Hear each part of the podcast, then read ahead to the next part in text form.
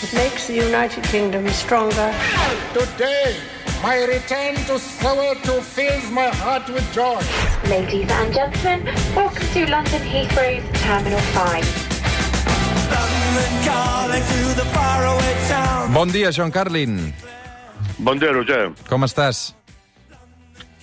Bueno, me, despierto como casi todos los días con, la, cabeza llena de imágenes del sufrimiento y del terror de, de- Ucrania y pensando también en las incluso mucho peores consecuencias que puede haber más adelante.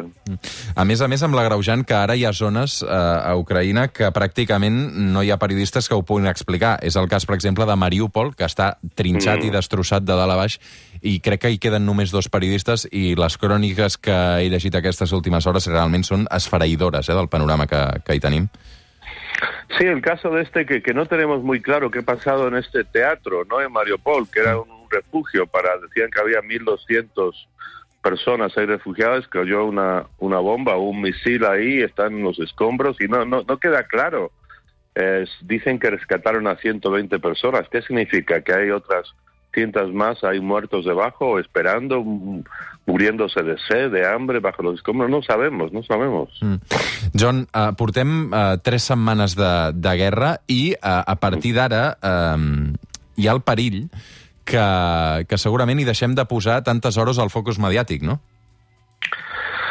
Sí, mira, he estado hablando esta semana con un par de personas em, en Londres que conocen Rusia muy, muy bien, que han vivido ahí, que hablan ruso y, y una de ellas, que, que es una persona que está muy, muy informada de lo que está pasando, me dijo que básicamente existen cinco posibles escenarios en, en esta guerra.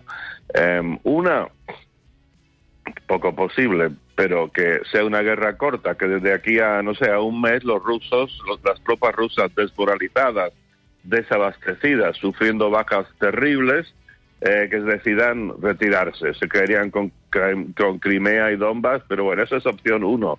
Opción dos, una guerra larga, que hay un asedio a Kiev que dura un año, eh, lo cual dejaría al país absolutamente en ruinas y muchos, muchos, muchos más- refugiados que los tres billones que hemos tenido eh, hasta ahora. Otro es que haya una solución negociada en la que ambos bandos puedan decir a su gente eh, hemos ganado o no hemos perdido demasiado.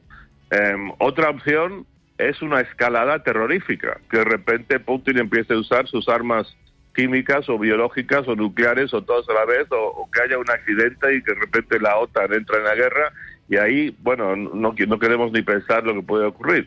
Y la quinta opción, el quinto posible escenario es que Putin caiga eh, y después a ver quién, quién le sigue después. Pero en casi todos los casos lo que está claro es que el mundo está cambiando y las consecuencias las vamos a sufrir mucho. Estamos ahora hablando mucho del tema de los transportistas. Esto va a ser un juego de niños comparado con lo que nos puede esperar a nivel, olvídate de, de, de, de- que nos suframos la guerra en carne propia, pero a nivel económico puede ser absolutamente calamitoso. T'està sorprenent el, el paper d'Europa, eh, John, en aquest conflicte que de moment eh, se'l mira de reull i no hi acaba d'intervenir del tot?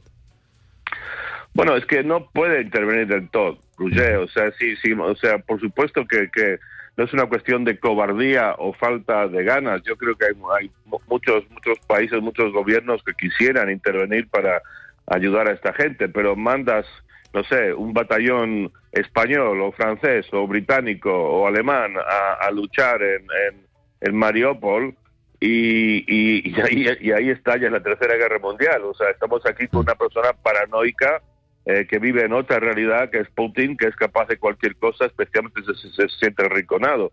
Yo creo que Europa eh, ha demostrado una sorprendente unidad. O sea, el hecho de que países como Polonia y Hungría, que, que han sido como los patitros feos de la Unión Europea, gente con, con gobiernos de, de, de derecha, o no- por no decir extrema derecha, que de repente se han unido a la causa humanitaria y que hablan todos con una voz, pues ya es, es algo es algo positivo.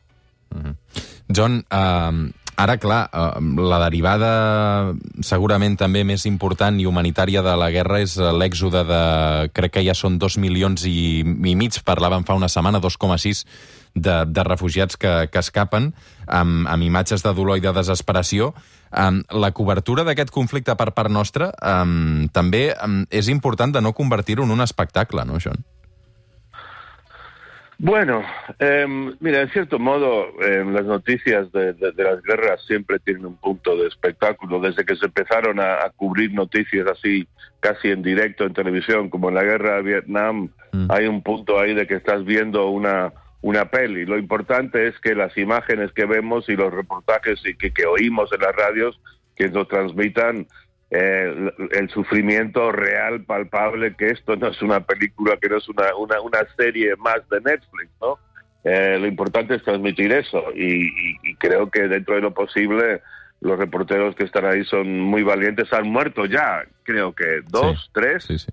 Eh, y, y, yo, yo admiro a los reporteros que están ahí porque de cierto modo están, están haciendo nuestra contribución como países civilizados de, del resto del mundo uh, y jugándose ahí de una manera que nuestros soldados no pueden. Mm. Aquestes últimes hores eh, ens fèiem ressò d'aquesta trucada entre Joe Biden i Xi Jinping. Creus sí. que um, Biden um, pot jugar un paper clau per intentar convèncer el líder xinès que, que tregui o retiri d'alguna manera el suport a, a Putin en aquesta invasió? Sí, yo creo que lo, Mira, si se llega a, a, negociar hoy mismo, esta misma mañana, Zelensky, el presidente de Ucrania, ha pedido eh, urgentes conversaciones de paz. Eh, y si se sientan a negociar de verdad, quizá un cese de fuego, y se ponen a hablar, eh, y si hay una propuesta que a Putin le va a costar mucho, pero podría aceptarla, los chinos podrían jugar el papel de, apretarle, de darle el, el, empujoncito definitivo para que acepte cosas que quizá en circunstancias eh, normales no, no aceptaría. Porque claro, los, los, los chinos, bueno, primero no los puede acusar de ser de la OTAN, eh, logro de la OTAN, y, y, y, también, claro, es su válvula de escape comercial, la que tiene Rusia. Si, si Rusia impone, si China impone algún tipo de, de, de, de pegas al comercio con Rusia eh, y lo sumas a las sanciones de Occidente, bueno, Rusia está, está perdida. Con lo cual, China aún puede jugar un papel importante. Mm. John Carlin, moltes gràcies, com cada dissabte. Avui arribarem a les eh, 9 del matí amb una cançó del nou disc de Rosalia, que eh, es diu Delirio de Grandeza, que potser és una mica el que li passa a Vladimir Putin, no? Sí, yo te propongo la semana que viene que pongas la Zombie de los Cranberries. També, Estás doncs, de zombies aquí. ens l'apuntem també per la setmana que ve. Una abraçada, John. Una abraçada, Roger.